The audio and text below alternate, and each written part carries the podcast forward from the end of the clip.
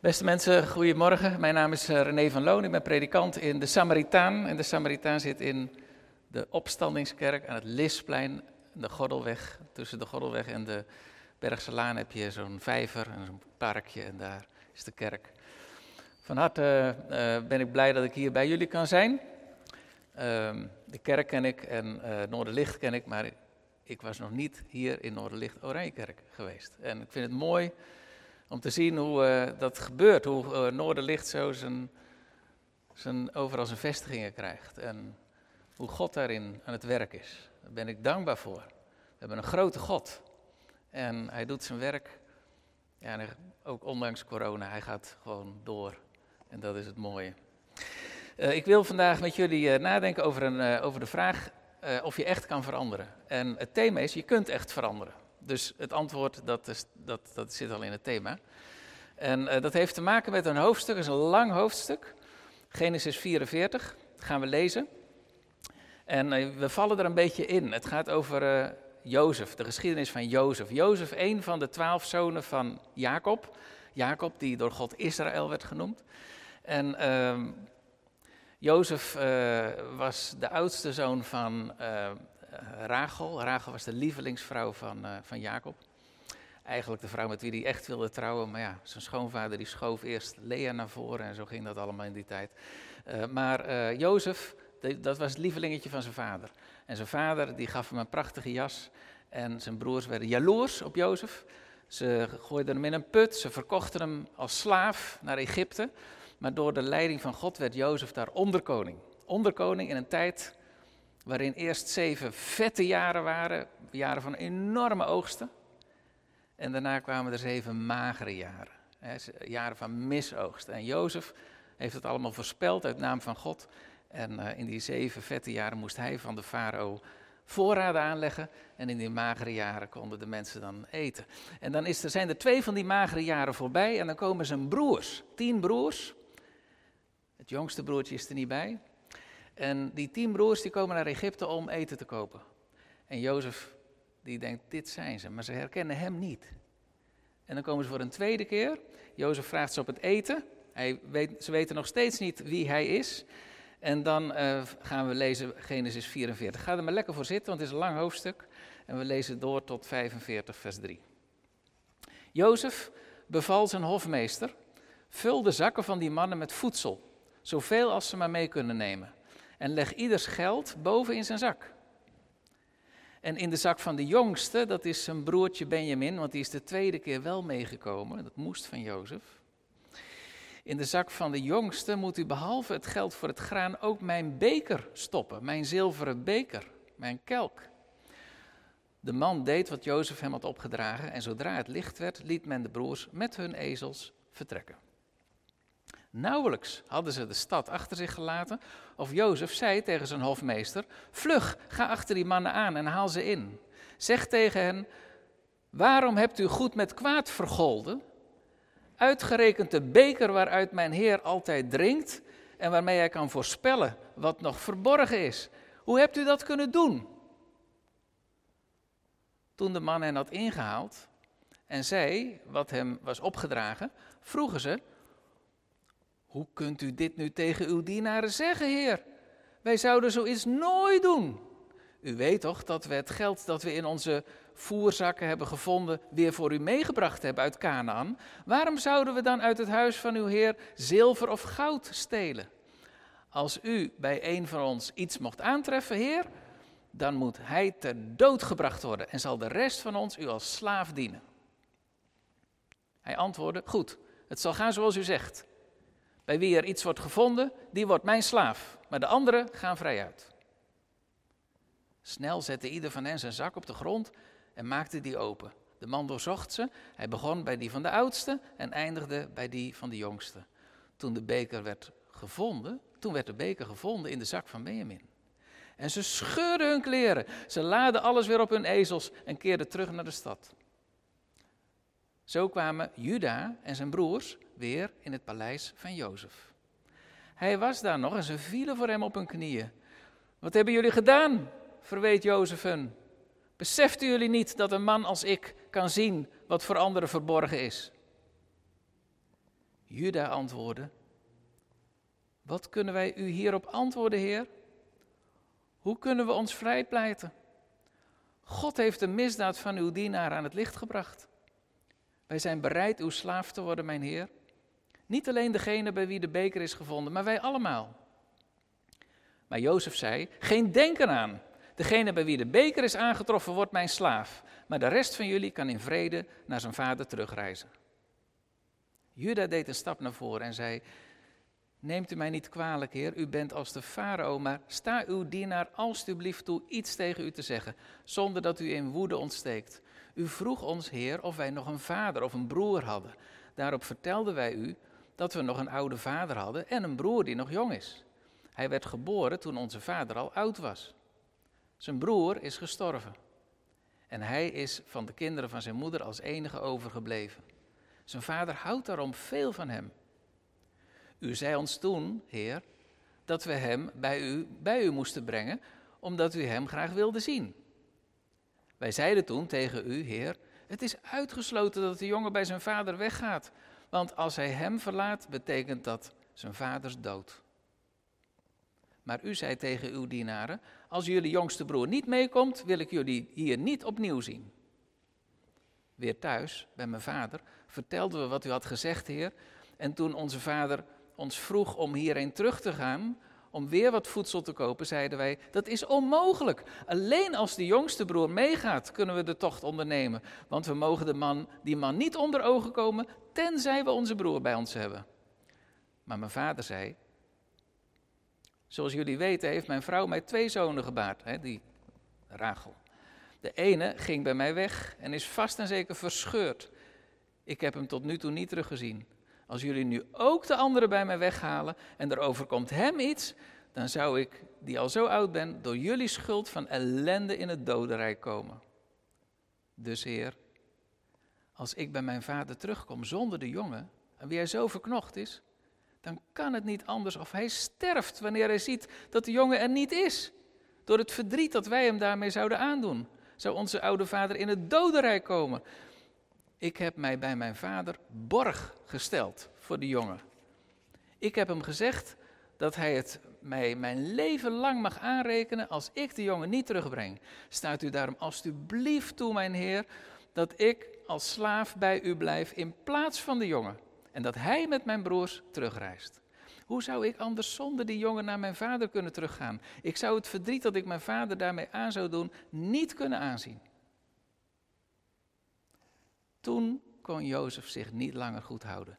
En tegenover alle die daar bij hem waren, riep hij: Laat iedereen weggaan. Zo was er niemand bij hem toen Jozef zijn broers vertelde wie hij was. Hij barstte in tranen uit en huilde zo luid dat de Egyptenaren het hoorden en dat het ook in het paleis van de farao te horen was. Hij zei tegen zijn broers: Ik ben het, Jozef. Leeft mijn vader nog? Nou, daar gaan we over nadenken, over dit hoofdstuk. En ik ga even met je terug uh, een paar weken in de tijd. Naar het moment dat uh, onze koning, Willem-Alexander in beeld kwam met, zijn, met onze koningin. En dat hij uh, op de tv gewoon onomwonden toegaf, ik heb een fout gemaakt. Ik heb een fout gemaakt. Ik vond dat wel indrukwekkend, want koningen zeggen niet zo gauw dat ze een fout hebben gemaakt. Het was een inschattingsfout, een blunder. Iets wat je niet had moeten doen, iets wat je niet, wat je niet had moeten zeggen. En uh, ik weet niet hoe het bij jou is, maar volgens mij hebben we allemaal wel eens zo'n moment dat je dat bedenkt. Ik heb echt nu een, een stomme fout gemaakt. Fouten maken hoort bij het leven, zeggen we dan wel eens, maar je eigen geweten is vaak veel strenger. Je geweten blijft je aanklagen. Wat word, wat word je dan moe van jezelf? Waarom verander ik nou niet? Waarom trap ik nou weer in diezelfde val? Dan zit je te bidden en je vraagt God om vergeving en je denkt, ja, Heer, gisteren kwam ik daar ook al met datzelfde, met diezelfde fout en eergisteren ook. Je hebt het idee van, ja, God ziet me nou wel weer aankomen. Hè? Weer met datzelfde. Hij kan je toch niet meer serieus nemen, denk je dan? Nou, zo kun je vechten met jezelf. Waarom heb ik nou weer negatief gepraat over iemand anders? Ik had me zo voorgenomen om dat niet meer te doen. Waarom heb ik nou weer iets niet helemaal eerlijk gezegd? Een loopje genomen met de waarheid. Ik wilde het niet meer. Waarom werd je nou weer driftig? Je zou het toch afleren? Waarom liet je het toch weer afweten toen je eigenlijk moest opkomen voor iemand anders? Waarom klikte je toch weer door naar die pornobeelden op je mobiel? Waarom durfde je toch weer niet, ja, gewoon eigenlijk te doen wat je normaal ook doet, dat je bidt voor je eten, maar ja, er is een collega bij, dan doe je het maar niet. Waarom lukte het je nou weer niet om je te houden aan je dieet? gewoon al die dingen. Kun je nou echt veranderen of blijf je altijd vervallen in dezelfde fouten? Je zou een ander mens willen worden. Je zou willen opstaan in een nieuw leven, maar het lijkt wel alsof het nooit wat wordt met jou.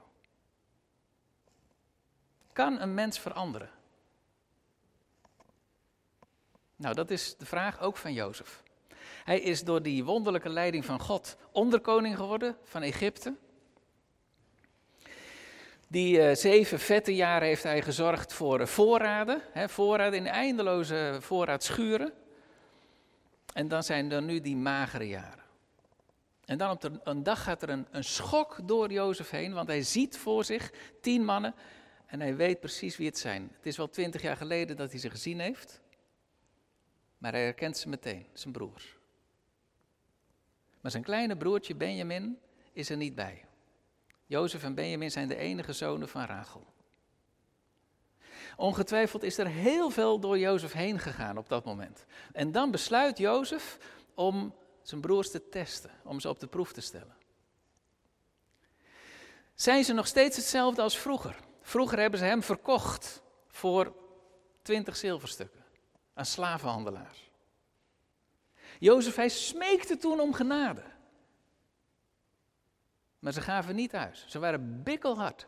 Hoe zijn ze nu? Wat is er gebeurd in die twintig jaar? Kennen ze nog steeds geen genade? Of is er in hun ziel iets doorgebroken van een ander besef dat het, dat het anders moet? Zijn ze zachter geworden? Jozef wil het weten. En zijn test, zijn test is zijn jonge broertje, Benjamin. Inmiddels eindje in de twintig. Hoe gaan ze met Benjamin om? Stel, stel dat hij slaaf moet worden in Egypte, zijn jongere broertje Benjamin. Zullen ze dat laten gebeuren of niet? En Jozef bedenkt een heel ingenieus plan. Eerst stelt hij zich op als een onvriendelijke heerschap. Jullie zijn spionnen, roept hij. En dan zeggen zijn broers: Nee, nee, nee, meneer. En dan vertellen ze over uh, hun vader en over hun jongste broertje Benjamin. En dat de hele familie honger lijdt en dat ze daarom voedsel komen kopen. Oké, zegt Jozef. Ik wil zien of jullie de waarheid spreken. Ga terug naar huis, haal dat jongste broertje op en kom dan weer terug. En intussen blijft een van jullie hier als gijzelaar. Dat was Simeon, die moest daar blijven, werd vastgezet totdat die broers weer terug waren. Maar ja, dan komen ze dus bij vader Jacob, we hebben het gelezen. En Jacob zegt, no way, ik geef Benjamin niet mee. Ik heb de andere zoon van mijn lieve vrouw Rachel al verloren. En nu ook nog Benjamin? Geen sprake van. Maar ja, wat doet honger met een mens? Als er geen eten is. Ze moeten terug, die broers. En Judah zegt: Pap, alsjeblieft, alsjeblieft, geef Benjamin mee. Ik persoonlijk stel mij borg voor mijn broer, voor, voor mijn broer Benjamin. Afijn, uiteindelijk geeft Jacob toe, Benjamin gaat mee, ze komen weer in Egypte. En tot hun stomme verbazing worden ze uitgenodigd bij Jozef thuis. Hij neemt ons natuurlijk gevangen, denken ze. We worden slaaf in Egypte. Dat zit heel diep in dat geweten. Slaaf in Egypte, net als hun broer. Maar ze worden geen slaven, er wordt een feestmaal aangericht. En de tafelschikking, de, de, de tafelschikking, ja, dat is heel bizar, heel bizar. Want hoe weten ze daar in Egypte wie van hun het eerst geboren is en wie daarna en wie daarna. Maar ze worden precies aan tafel gezet, op, precies op hun leeftijd. Er gebeuren rare dingen, ze begrijpen er niks van. De volgende morgen vertrekken ze, maar ze zijn amper weg. Of ze worden ingehaald door die hofmeester, die hoogste baas in het huis van Jozef. Wat hebben jullie nou gedaan, zegt hij. Jullie hebben de zilveren beker gestolen waarmee mijn heer de toekomst voorspelt. De broers weten van niks en ze zeggen: Maak onze zakken maar open. Wie, bij wie u hem eh, de, vindt, die mag sterven en de rest wordt uw slaaf. Nou zegt de Egyptenaar: Bij wie ik hem vind, die wordt slaaf. Slaaf in Egypte. Maar de rest mag gaan. Dat is al de eerste test. Want de beker wordt gevonden in de zak van Benjamin. En als de broers niet veranderd zouden zijn, dan zouden ze nu zeggen: Oh, nou Benjamin, oh, lekker ben jij. Nou ja, dan moet jij maar terug. Wij gaan terug naar uh, vader Jacob. Dan zouden ze hun broertje Benjamin keihard laten vallen. Is de eerste test. Maar de broers zijn veranderd. Ze laten Benjamin niet vallen. Ze gaan samen terug naar die onderkoning. En wat zegt die onderkoning? Wat hebben jullie nou gedaan? Beseften jullie dan niet, staat er dan in vers 15, beseften jullie dan niet dat een man als ik, een man als ik, zien kan wat voor anderen verborgen is? Dat is opmerkelijk. Een man als ik, zo noemt Jozef zichzelf. Jozef staat in Egypte bekend als een helderziende. Hij kan dromen uitleggen die niemand anders kan uitleggen. Zo is hij aan het hof gekomen, omdat hij de dromen kon uitleggen van de farao. Jozef zelf heeft steeds verklaard, uitdrukkelijk, dat niet hij dromen kan uitleggen, maar alleen God. En dat God het wel bekend kan maken. Maar ja, daar in Egypte wisten zij veel. Ze dachten, die Jozef dat is een helderziende. En naar zijn broers toe laat Jozef zich nu die rol van helderziende een beetje aanleunen. Die tafelschikking was niet voor niets. Hij wilde ze in verwarring brengen. Hè? Die onderkoning die, die kijkt door ons heen. En die dienaar van Jozef, die zegt, als hij de broers achterhaalt, waarom hebben jullie de beker gestolen waarmee de onderkoning de toekomst voorspelt? Jozef speelt dus met zijn imago als helderziende. Waarom doet hij dat? De Bijbel spreekt zich heel nadrukkelijk uit tegen waarzeggerij. En dat is, dat is zeker waar, hoewel die wetten van God pas later werden gegeven, in de tijd van Mozes. Maar Jozef doet hier ook helemaal niet aan waarzeggerij. Hij speelt alleen de helderziende. En hij doet het om zijn broers te helpen om eerlijk te zijn. Hij wil ze als het ware het gevoel geven, jongens, het heeft helemaal geen zin om nog schijn op te houden of om nog iets te zeggen wat niet klopt of zo. Jozef wil echt weten wat er leeft in hun hart. De druk wordt steeds groter. Kom nou maar naar buiten met wat, wat er echt aan de hand is. En dan stapt Juda naar voren. En hij begint met een ontroerende schuldbeleidenis. In vers 16, hè, daar zegt hij: Wat kunnen wij u hierop antwoorden, Heer? Hoe kunnen we ons vrijpleiten? God heeft de misdaad van uw dienaren aan het licht gebracht. Ik begon daarnet met eh, Willem-Alexander, die zo onomwonden zijn fout toegaf. En dat geldt ook voor Juda hier. Juda is nederig en onomwonden en hij zegt, we hebben het fout gedaan. En dan gaat hij verder met een indringend en een diep ontroerend pleidooi voor zijn jongste broer, voor Benjamin. Hij smeekt die Egyptische onderkoning om Benjamin vrij te laten. Ik heb me borg voor hem gesteld, zegt Juda. Alsjeblieft, sta mij dan toe om in zijn plaats hier te blijven en uw slaaf te worden.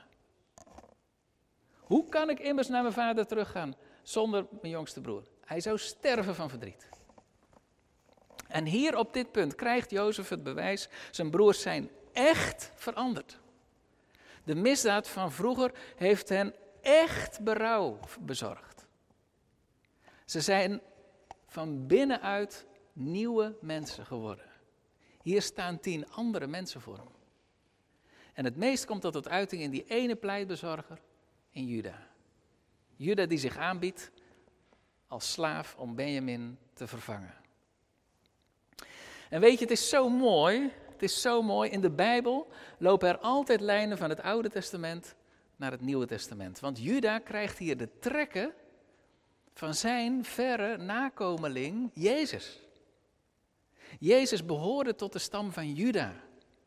Hij wordt in openbaring genoemd de leeuw uit de stam van Juda. Juda biedt zich aan als plaatsvervanger voor zijn broertje Benjamin.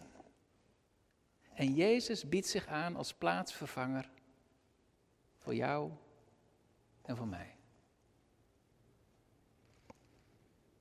Hij hangt daar aan het kruis waar ik zou moeten hangen.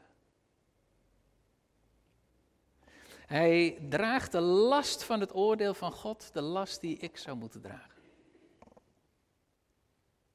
Hij gaat de dood in, terwijl ik de dood in zou moeten. In Jesaja 53 staat, om onze zonde werd hij doorboord. Om onze wandaden werd hij gebroken. Voor ons welzijn werd hij getuchtigd. Zijn striemen brachten ons genezing. Wij dwaalden rond als schapen. Ieder van ons zocht zijn eigen weg. Maar de wandaden van ons allemaal liet de Heer op hem neerkomen. Juda heeft er met hart en ziel aan meegedaan. De verkoop van dat ellendige broertje Jozef aan die slavenhandelaren die naar Egypte gingen.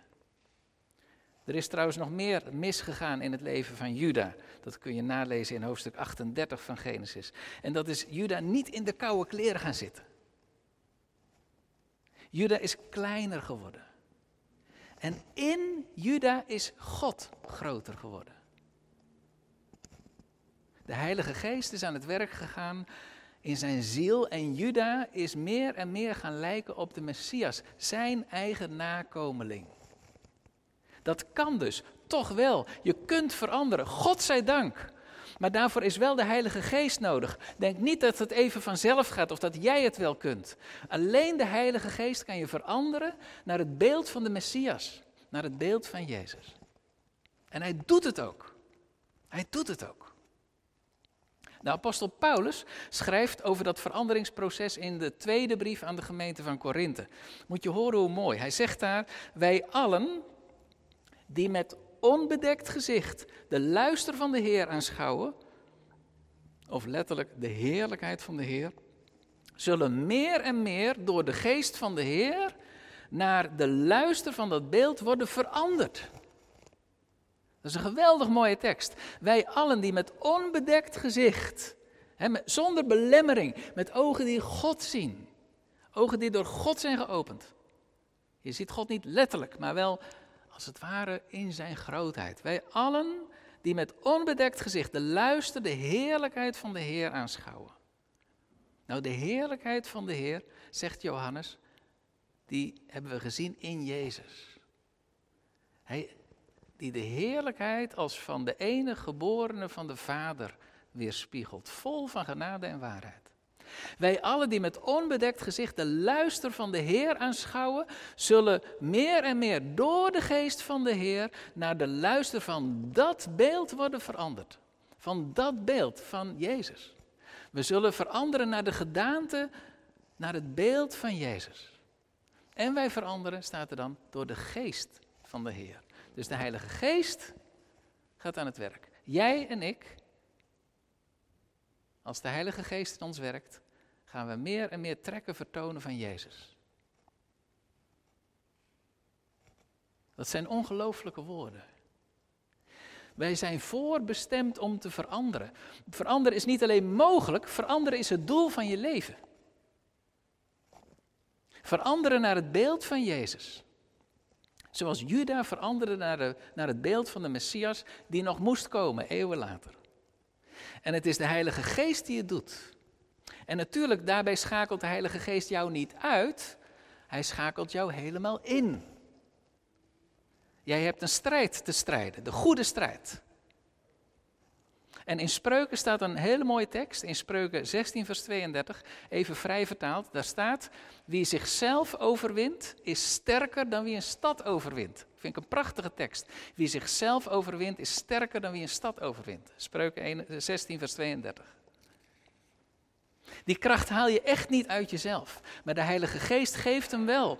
De Heilige Geest is een bron van kracht, veel meer dan je denkt. Het is de boze die het je influistert. Jij kunt nooit veranderen. Jij blijft altijd dezelfde. Het wordt nooit wat met jou. De Heilige Geest verandert je wel van binnenuit naar het beeld van Jezus. Hoe doet hij dat? Nou, dan moet je je wel openstellen voor de Geest. Door de Bijbel tot je toe te laten, hè, het woord van God, door het als het ware op te drinken. Door tijd te nemen voor gebed, door je geloofsleven niet te verwaarlozen, ook al waart er corona rond. Wat is er nou belangrijker? Corona of je, of je geloofsleven? Deze tijd is ook een test. Kijk, Jozef die, die, die, die stelt zijn broers op de proef. Maar in deze tijd worden wij op de proef gesteld. Wat is er eigenlijk gebeurd met jou? Ben je veranderd van binnen of niet? Geef jij de Heilige Geest werkelijk ruimte in je leven? Weet je hoe je dat doet? Dat doe je door stappen te zetten in vertrouwen. Als je de controle leert loslaten, laat je meer ruimte aan de geest. Als je iets opgeeft van je bezit, dat, en dat zijn steeds vragen natuurlijk, hè, collectors noem het allemaal op. Als je iets opgeeft van je bezit of van je veiligheid, als je iets doet wat risicovol is in het koninkrijk van God, of als je iets opgeeft van je comfort, of van je luxe, of van je privacy, of van je tijd, om die dingen te besteden in de dienst van God, in de dienst van mensen, dan is het de belofte van Jezus zelf. Hij zegt in Matthäus 19, iedereen die iets opgeeft voor mij, zal het honderdvoudig terug ontvangen. In dit leven al en in het leven hierna, eeuwig leven.